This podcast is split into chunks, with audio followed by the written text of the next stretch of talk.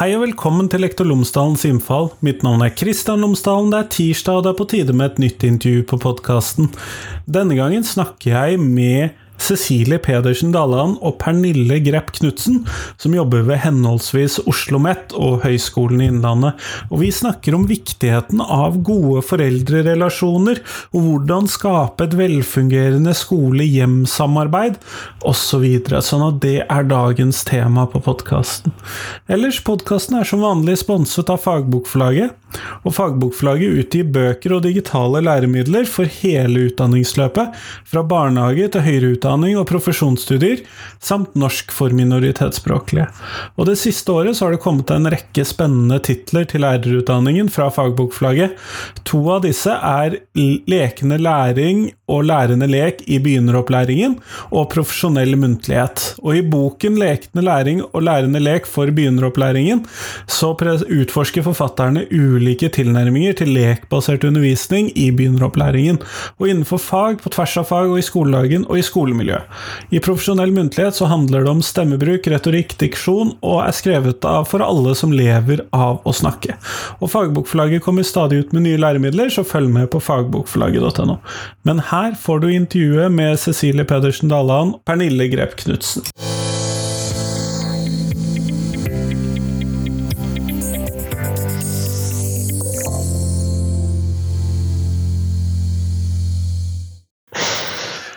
Pernille Grep Knutsen og Cecilie Pedersen Dalland, tusen takk for at dere har tatt dere tid til meg i dag.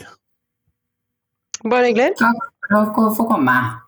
Før vi sånn kommer ordentlig i gang, så hadde det vært fint hvis dere kunne fortelle lytterne mine tre ting om dere selv, sånn at de kan få bli litt bedre kjent med dere. Og siden jeg har deg som første vindu, Pernille, hvis du kunne starte?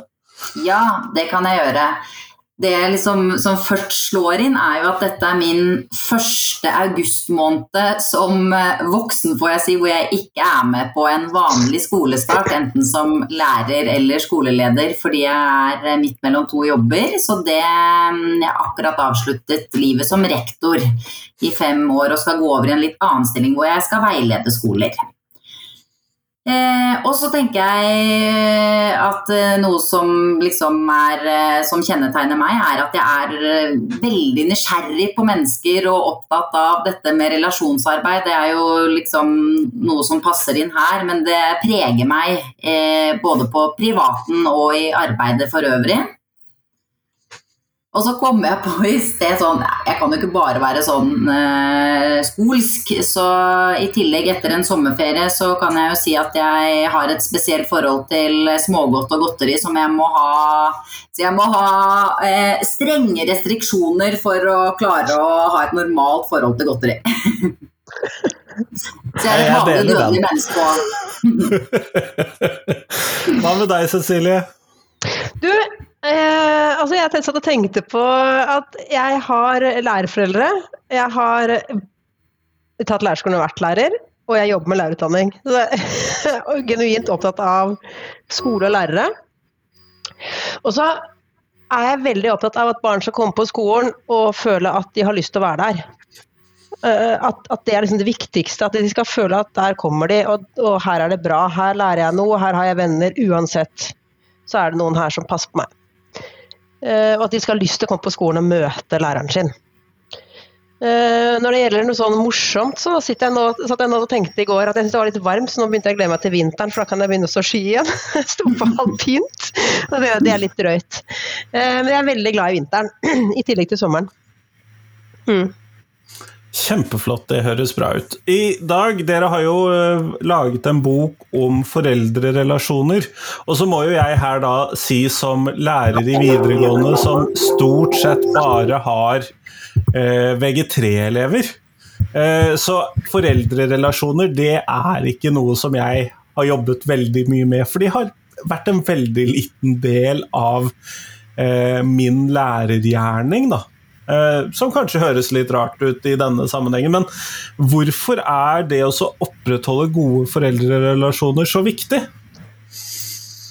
Jeg tenker jo først når du bare umiddelbart når du forteller om, eh, om, dine skoleerfaringer, at du har gått glipp av mye spennende og moro. da, Og en veldig sånn viktig faktor eh, inn i, i liksom læringssituasjoner. Så det, det, er litt sånn fascinerende. Eh, å høre deg si det, liksom at jeg har vært fraværende. Så det, det var liksom det første som, som, slo meg, bare litt sånn innledningsvis. Eh, men eh, Cecilie, vi har jo vært veldig opptatt av at altså, vi har jo kanskje hatt blikket mest selvfølgelig da mot, mot den delen av skoleverdenen hvor foreldrene er veldig delaktige.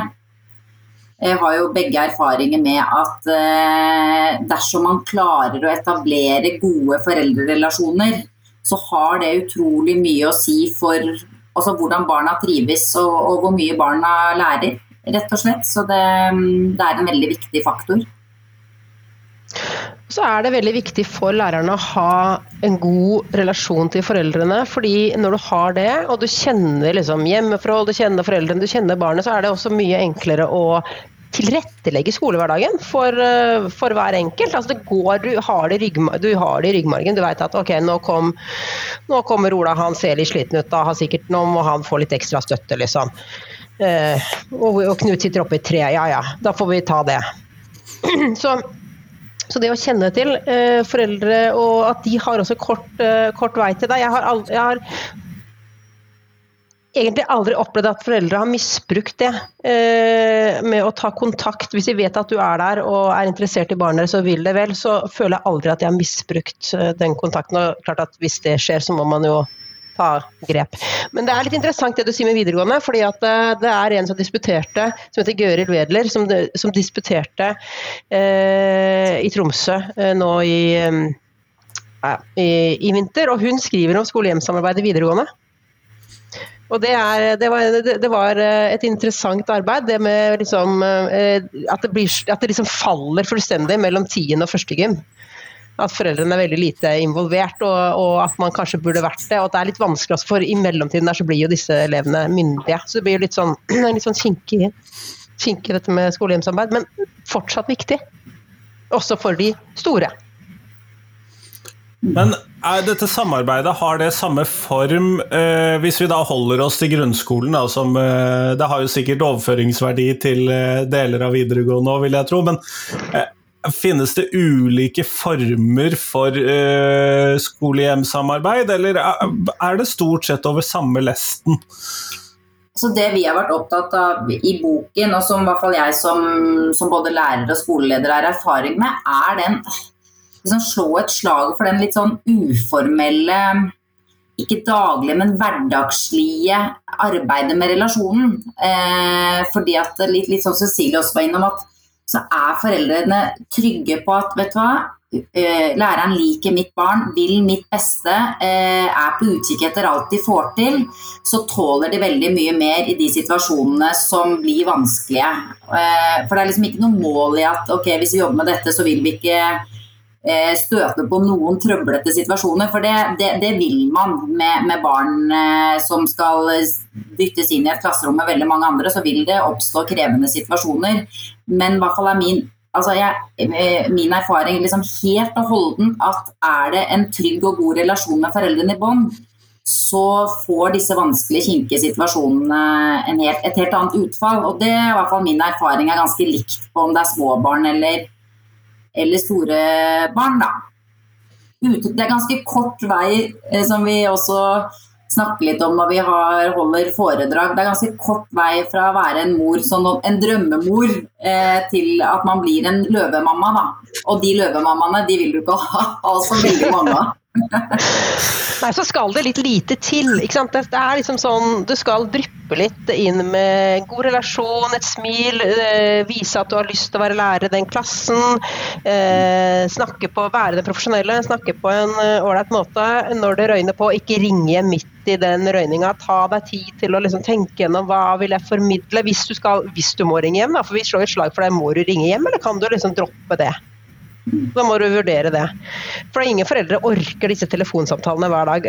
Veldig, I hvert fall ikke hvis det er sånn klaging. Da blir det sånn at de klarer ikke å forholde seg til det.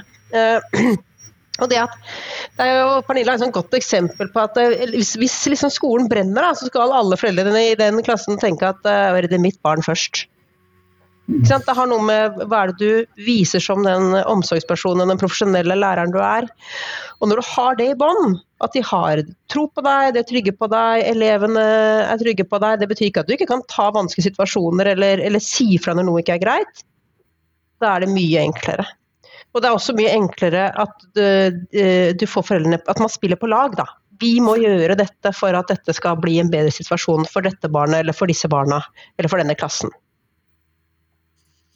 Og så er det jo litt sånn som vi også snakker om, Cecilie, at uh, dette er jo ikke noe sånn følgeri følger av som vi syns er uh, klokt. Uh, forskning på en måte viser jo akkurat det Cecilie sier, at, at det får altså gode samarbeidsforhold mellom skole og hjem. Det får konsekvenser for elevenes læringsutbytte og trivsel og og også egentlig hvordan de får det videre i livet. Så det, det er viktig og ikke noe skolen kan velge bort. Uh, og så er vi jo veldig opptatt av å si at uh, det er skole-hjem-samarbeid. Det er skolen sitt hovedansvar i å skape disse gode relasjonene. Eh, vi er, altså jeg er i hvert fall som skoleleder veldig sånn når jeg ser eh, når man er i, i, i dialog da, med foreldre som jeg merker at her er relasjonen litt sånn skranten, så er det mitt ansvar i å forske på det og finne ut at her må jeg trygge foreldrene først. da. Eh, at det, det, er det, Vi kan jo på en måte, vi er på jobb og så går vi hjem og lever eh, vårt vanlige liv, men for foreldre er det, det er livet, da. Så det skal man ha veldig respekt for, da. De kommer ikke bort fra dette? Nei, de kommer ikke bort fra dette. Så det, det, er viktig at selv om foreldre har eh, selvfølgelig et stort stort ansvar i å følge opp sine egne barn, og sånn, men det er skolen som skal jobbe med relasjonen. Og Det er en grunn til at det heter skole-hjem-samarbeid òg. Det er skolene som er den ansvarlige parten for dette samarbeidet. Vi er de profesjonelle. Det heter ikke hjem-skolesamarbeid, selv om noen skriver det. Skole skal stå først. Det er skole-hjem-samarbeid som er det riktige begrepet. Og Det er jeg for så vidt glad for at du sier, fordi at jeg har variert mellom om jeg skriver hjem-skolesamarbeid og skole-hjem-samarbeid, og jeg tror ikke jeg har vært verken konsekvent eller gjennomtenkt i den bruken. Nei, ikke sant. Og det bør jeg kanskje være, eh, når dere sier det på den måten. Men hvis vi skal så starte opp et nytt skoleår, da, hvordan legger vi til rette for at det blir et godt eh, skole-hjem-samarbeid? Eh, at man legger best mulig grunnlag. Så er jeg usikker på hvem av dere jeg skal spørre om det, men ja jeg, fall, jeg, snakker jo veldig ofte om, eh, om, dette med å komme rett ut fra hoppkanten. Det, det, som er, det, som er, gøy med å jobbe i skolen, er at man alltid får en sånn ny, frisk start som nå i august. da.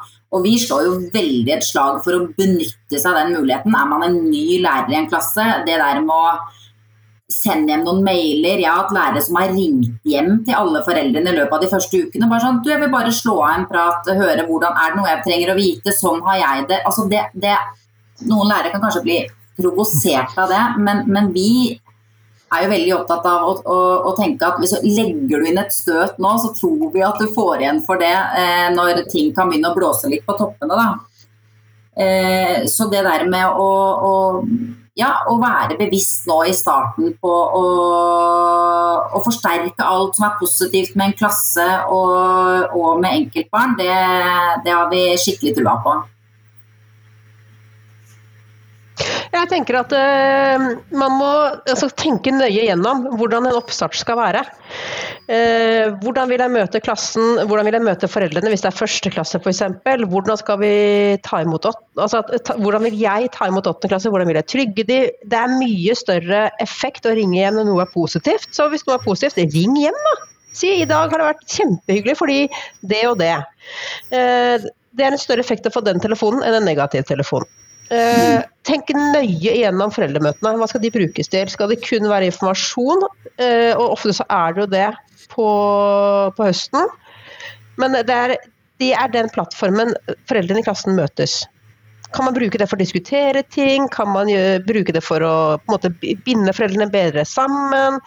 Eh, hva slags tema kan man kanskje diskutere og ta opp? Bursdager er jo et typisk tema for, uh, i første klasse. Hvordan skal dette gjennomføres, sånn at alle blir inkludert? Eh, hvordan skal vi drive sånt ukentlig samarbeid? Og Jeg slår et slag for at man har en eller annen form for informasjon eh, om hva enten uka eller måneden eller to uker har, har, uh, har inneholdt. da, som foreldrene, for ikke, de, de, får ikke alltid den informasjonen fra sine barn. så det at man får et sånt mer sånn objektivt perspektiv på hva, uka, hva de har gjort denne uka eller disse ukene, og hva de skal gjøre fremover, det elsker foreldre. Eh, for det gir de litt sånn trygghet, og det gir de forutsigbarhet. Eh, og at det er positivt vinklet. Og hvis det er noe man, man må jobbe med hjemme, så kan man ta det på en litt ålreit måte.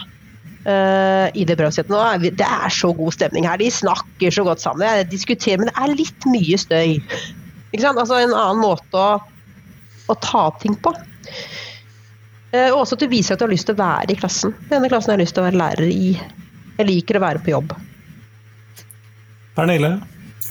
Uh, ja, og jeg tenker også sånn i starten så, så er det også viktig å stille krav til foreldrene, da.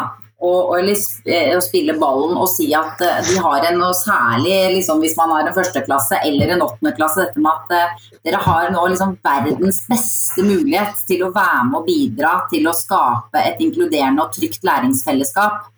Eh, og, og, på en måte være tydelig på litt sånn som Cecilie sier, dette med bursdager. Og jeg har vært dønn tydelig som rektor på at eh, det er ikke noe sånn Hvilke regler vil dere ha for bursdag? Her skal det være sånn at alle er inkludert. Det er ikke noe Eh, det er liksom ikke noe de kan lure noe på da, og si at enkelte ting er ikke sånn at vi rekker opp hånden og vil dere ha vennegrupper eller vil dere ikke. Det er, er dere villige til å ta en for fellesskap og lage noe sikkerhetsnett rundt unga. da som er viktig. Så, eh, så, også tørre å være litt tydelig, men igjen så handler det om hva slags tillit og relasjoner foreldrene har til skolen i utgangspunktet. Så man må liksom hele tiden balansere det, da. Men man skal ikke være redd for det heller. Jeg har jo nettopp Jeg har tilfeldigvis sånn åttendeklassebarn i år. Det er minste starter i åttende klasse i år.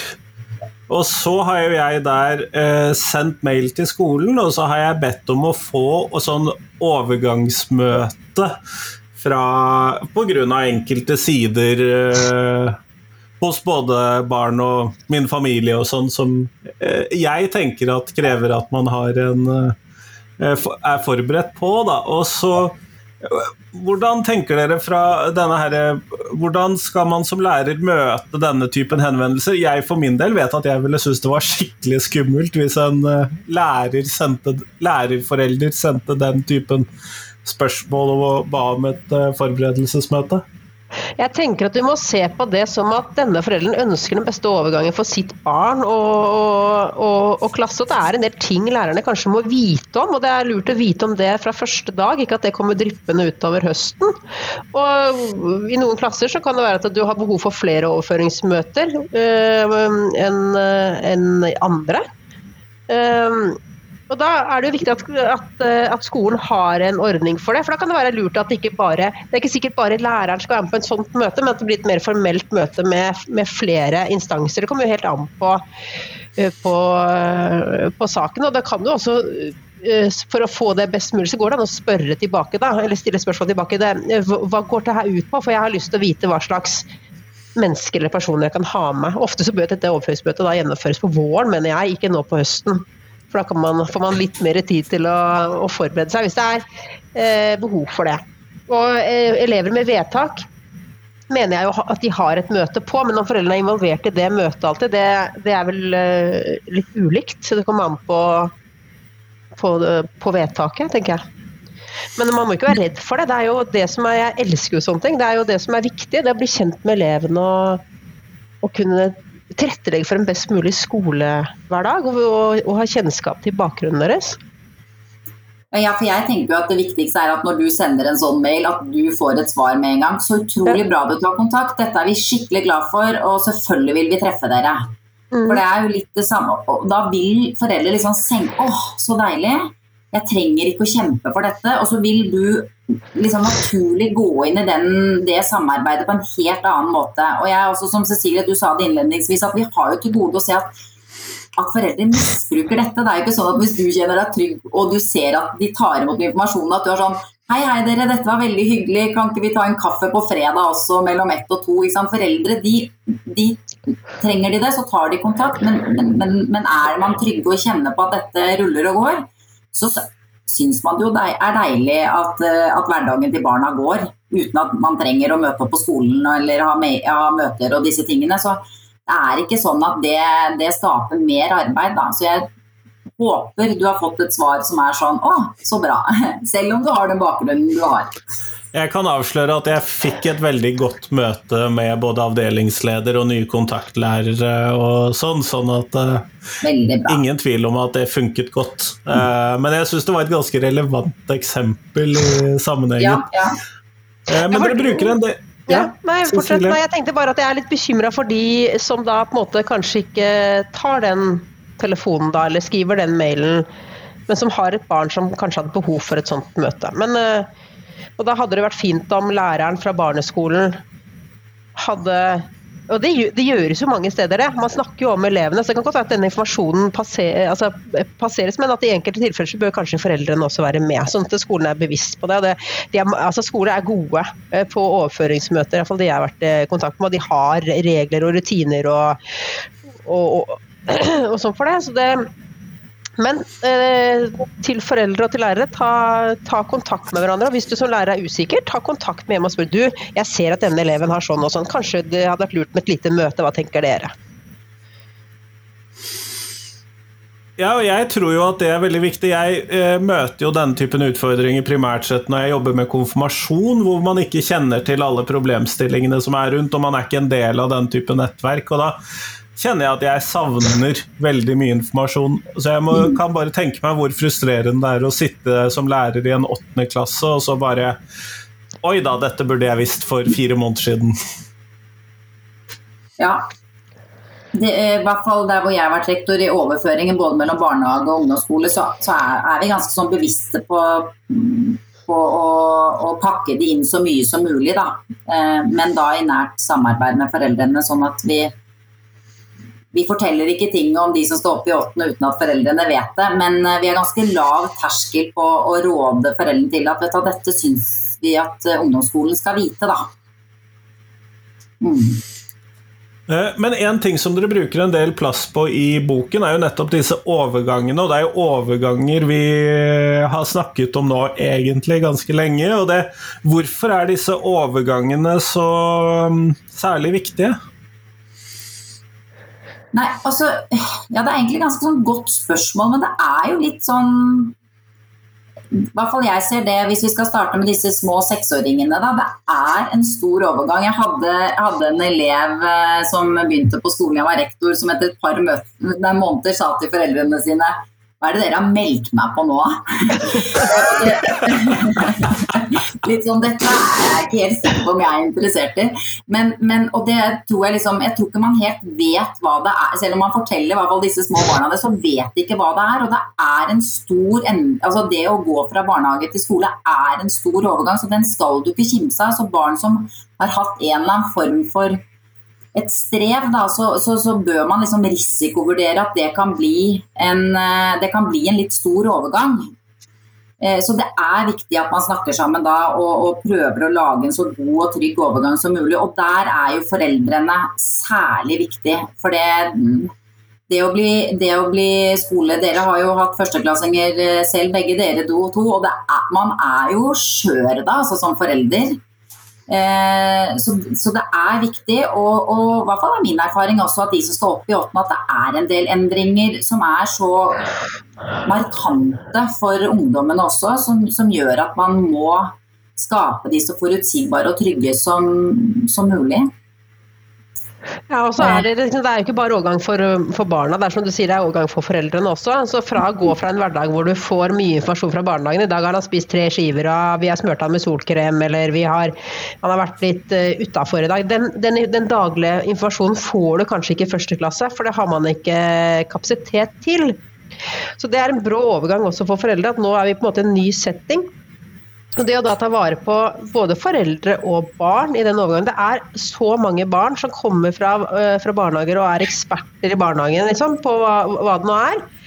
Som får et nederlag i skolesammenheng. For de er ikke noe gode på det å sitte stille kanskje altfor lenge. Eller de, og nå ser det ut som uh, altså, Første klasse har jo blir jo mer stillesitting og jobbing. ikke og, og, og, leken forsvinner mer. Men, men, det å være på en måte bevisst på at det, leken har en, er, har en, viktig både frilek og, og rollelek og, pedagogisk lek er viktig i skolesammenheng for første klasse. Å bevege seg og kunne sitte altså Sitt litt under pulten da, hvis det er tryggere kanskje i en periode, hvis det blir for lange økter.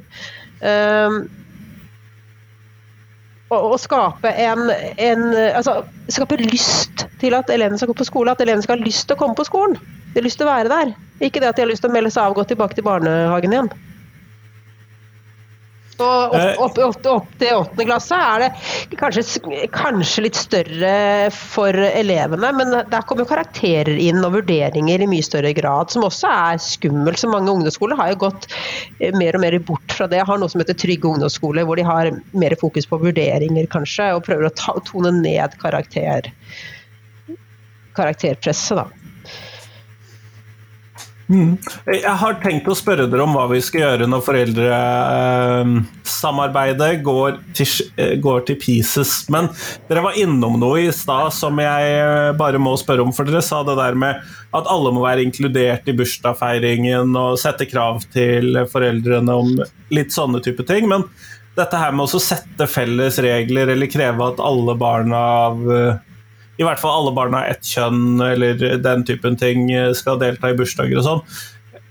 Hva når foreldrene da sier «Øh, men barnet mitt liker jo ikke den eleven eller den eleven eller den på foreldremøte f.eks., for eller man eh, Foreldrene nekter å være med på felles regler og den Hva gjør man da? Du ser, eller folk, Dette er jo en podkast, men du som har kamera ser liksom at jeg lener meg litt sånn frem i, i stolen. For dette er, dette er skikkelig viktig. Eh, mm. og, og, jeg tror eh, at eh, skoler skal være altså Vi skal være veldig tøffe med å, å uttale en holdning og hvilken verdi altså hvordan, hvordan vi vil det skal være, og forklare hvorfor. Eh, og, og, liksom dette som vi også snakker mye om, at dette regnestykket går ikke opp. Eh, er det liksom den ene siden. At det er ikke sånn at ok, dette fikser dere selv. Da, liksom Han er sammen med sine venner, og da får jo alle vært i bursdag. Nei, sånn er det faktisk ikke. Så det å forklare foreldre den biten av det. Eh, og så eh, tenker vi, altså Jeg sier på foreldremøtet at, for, at uh, foreldre må, må, huske på at det er ingen barn som liksom kommer til skolen og tenker at i dag skal jeg være skikkelig, en skikkelig møkkaunge og ødelegge skolehverdagen for alle andre. Så de barna som lager, liksom lager, vanskeligheter på skolen, det viktigste man gjør da, er jo å inkludere dem. Så, så det å ekskludere folk i burs, barn i bursdag og sånn, det, det, bare skaper ting verre. Så det, liksom det å spre både den holdningen og informasjonen til foreldre, det er ekstremt viktig. Og, og da er min erfaring at de at de fleste Det er få foreldre som gjør det du beskriver da. Og, og, skulle det skje, så tenker jeg at man må snakke med dem ordentlig og forklare. Eh, og ikke fire på disse tingene. Ja, Det å skape en raushet rundt at barn kommer i forskjellige former, da. De er ikke alltid innafor en bestemt form. Eh, og det å også snakke om at eh, prøve å få til å reflektere liksom, men hva, det, hva, hvis det var ditt barn, liksom? Altså, hva ville du eh, For Hvis du har den holdningen at vi skal prøve å inkludere, og foreldrene trekker i samme retning og prøver å liksom, skape nettverk slik at barna har det bra, i hvert fall i noen settinger som bursdager og sånne aktiviteter og sånn, så vil det også måte, hjelpe deg når ungen din kanskje sliter. Da. For vi går jo gjennom ulike faser i livet. og Noen ganger så det, har man et godt nettverk, og andre ganger så kan det nettverket faktisk smuldre bort. og Plutselig så står man litt aleine fordi ting har skjedd. og Da er det godt å ha foreldre som i en klasse eller på et trinn som har de samme holdningene til dette.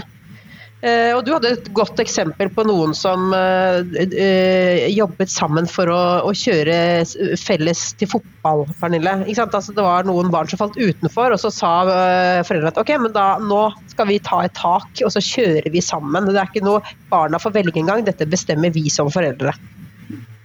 Og jobbet med det sosiale på den måten. Mm. Så Så, vi er nok ganske opptatt av at, uh, å, å veldig, at, at, skolen skal være tydelig da, på disse holdningene. Og jeg tenker jo å ha jobbet både på barneskole, men også 1-10-skoler. Og, og, tenker at det i for stor grad sklir litt ut da, et, et, sånn oppover, og hvor, uten at man tenker helt på hvorfor det. Eh, at alt fra rutiner til dette inkluderingstanken, at man liksom, ja, nå må de klare seg selv. Ja, de må det, men, men, men det å, å, ha noe sikkerhetsnett og, og hjelpe til, da, at man ikke skal kimse av det. Systemer og sånn? Mm, systemer og sånn. Ja. men, og så er det jo dette jeg varslet i stad, da. Eh, hva når skole-hjem-samarbeidet ryker til i, og virkelig går dårlig? Hvordan hva gjør jeg som lærer for å prøve å reparere det? Hvordan, hvordan går jeg fram? Hva bør jeg tenke på? Eventuelt hva bør jeg i hvert fall ikke gjøre? Jeg, jeg tenker i hvert fall at det er viktig at uh, vi som jobber i skolen uh, må ha liksom, helt i ryggmargen at alle foreldre kommer liksom, Man må sende barna sine til skolen. Du kan ikke velge det bort, og det skal du ha respekt for. Uh, og, og, og tenke at selv om foreldre blir Eh, eh, kranglete og krevende, så vil de egentlig det samme som oss. De vil få det til, de vil at barna skal ha det bra, og de vil stort sett alle foreldre bidra. Det at man på en måte har det som et utgangspunkt også når det trøbler seg til, det tror jeg er eh, viktig. Og så er det jo litt, litt det samme, det er derfor vi er opptatt av å snakke om relasjoner og ikke bare Eh, skole-hjem-samarbeid, men foreldrerelasjoner er at er det blitt trøblete, så er det sånn at man må jobbe med relasjonen. Eh, og det er jo litt sånn at vi kanskje i for stor grad når ting blir vanskelig, allikevel mater på i et møte om hva barnet har et Det er akkurat som vi må bevise til foreldrene at han, at han eller hun sliter skikkelig. da. Men, men, det å da gå noen skritt tilbake og jobbe med relasjonen og ikke være redd for å si vet du hva, han får det til der, vi må hjelpe han. Ser, det å, det å liksom allikevel tørre å, å, å, grave frem hva som fungerer, eh, og ta noen skritt tilbake og tenke det er ikke alt som må sies i alle møter med en gang, da. Tror jeg er kjempeviktig. Så det å ha en holdning til oi, her, akkurat sånn som man gjør med elever, denne eleven er krevende, jeg må jobbe med relasjonen dette foreldreparet er, er, krevende nå, det er mitt ansvar å jobbe med denne relasjonen. Så, øh, og så slår jeg også et slag. Så folk er folk. Det er å snakke med dem om det. det, det vi ser nå at det er, nå er det Hvis vi opplever at, det, at det, knirker litt i samarbeidet, hva tenker dere vi skal gjøre med det? For dette, vi vet at vi må få det til, dere.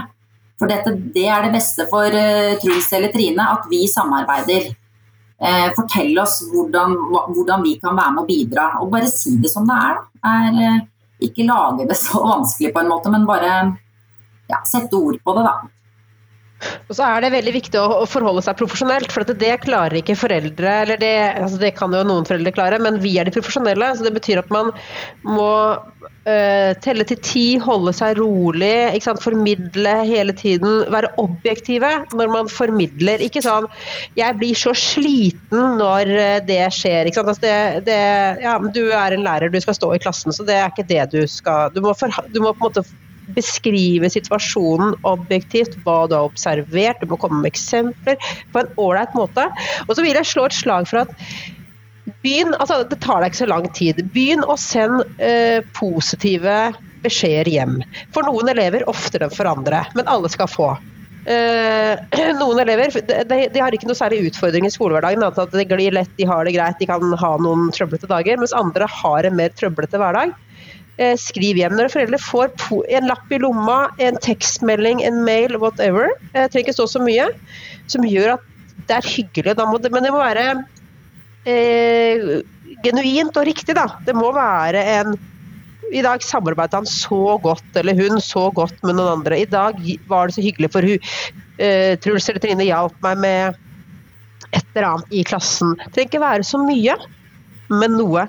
Fordi at da vil det også kanskje endre seg både at foreldrene får et annet forhold til skole-hjem-samarbeid og læreren og føler seg mer sett, men også at eleven får høre at de snakker jo positivt om meg, liksom. Det er ringvirkningene. Positive ringvirkninger er viktigere enn de negative. Og hvis man opplever at barn gjør altså Det er barn som kanskje ikke kommer inn til friminuttet, det er barn som sitter oppe i et tre. Spør hvorfor, da. Ikke bare at nå må dere komme til timen. Eller nå må dere aldri gjøre det, det får dere ikke lov til. Eller vet dere, det er skoleregler. Hvorfor velger de disse strategiene? Så må man eh, Og foreldre også kan ha dårlige erfaringer med skole selv. Det er mange, eh, det er mange elever som ikke har hatt en bra skolegang. Og klart at Det kommer fram når du har egne barn som går på skole. Alle foreldre kommer med en egen skoleerfaring, og noen av de kan være ganske grusomme og forferdelige og triste. Og det er å ivareta de også, når de kommer. Sikre de. Men Er det noe Ja, Pernille? jeg, jeg, jeg, jeg, som sagt, jeg tror at vi i for stor grad har et eller annet Eller skole har, kan ha et litt sånn innebygd sånn behov for å fortelle alt, da. At eh, det er jo den, derfor vi sier 'må du ringe hjem'. At selvfølgelig skal foreldre få informasjon, viktig informasjon, men jeg tror at vi har en vei å gå med å tørre å tenke vet du hva, dette, trenger du vite dette? Nei. Og tørre heller, som Cecilie da sier, å sende den mailen hjem.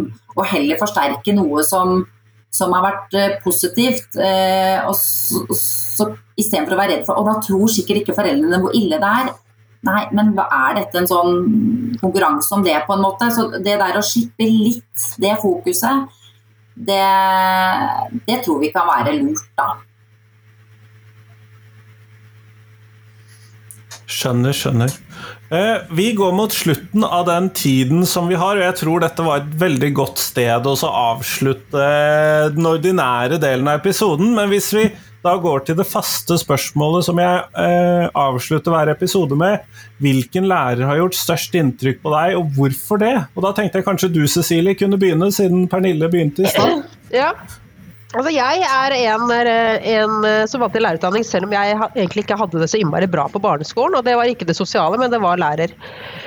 Eh, For å snakke om sånn fravær av lærer-elev-relasjon. Men så kom jeg på ungdomsskolen, og der fikk jeg to jeg vet ikke om de var kontaktlærere, men det var to mannlige lærere som var lærere for min klasse.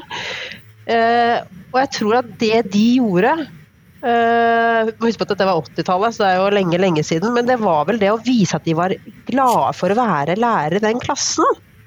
Og at de hadde lyst til å være der, og at de likte elevene. De hadde lyst til å lære bort. altså Du så deg, De kunne stille spørsmål som liksom, hvordan gikk det på judoen i helgen. Eller, altså, de hadde liksom, det var sånne småting hele tiden som viste at de var genuint interesserte. Det er iallfall min opplevelse av det, av elevene i klassen. Det gikk ikke på det faglige.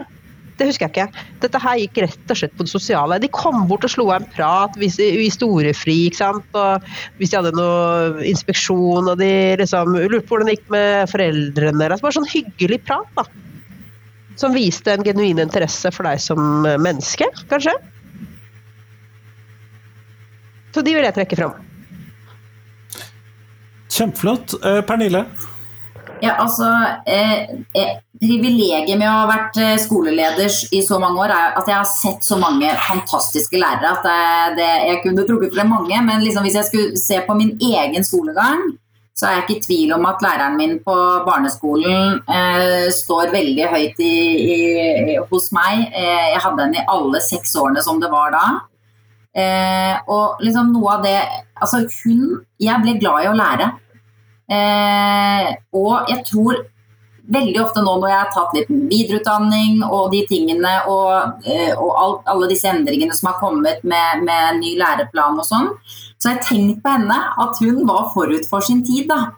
Hun turte å, å bruke elevenes interesser inn i undervisningen, og jeg kjente på den der at hun traff med balansen mellom at hun stilte krav, men også ga rom for at jeg kunne lære å utvikle meg på den måten jeg hadde behov for. Og jeg var ikke alltid en perfekte Peter-elev, men jeg, jeg, kjente på at hun så meg, og, og at jeg var, ble glad i å være på skolen. Kjempeflott. Tusen takk, begge to. Eh, tusen takk for at dere ble med i dag. Takk for oss. Takk for oss.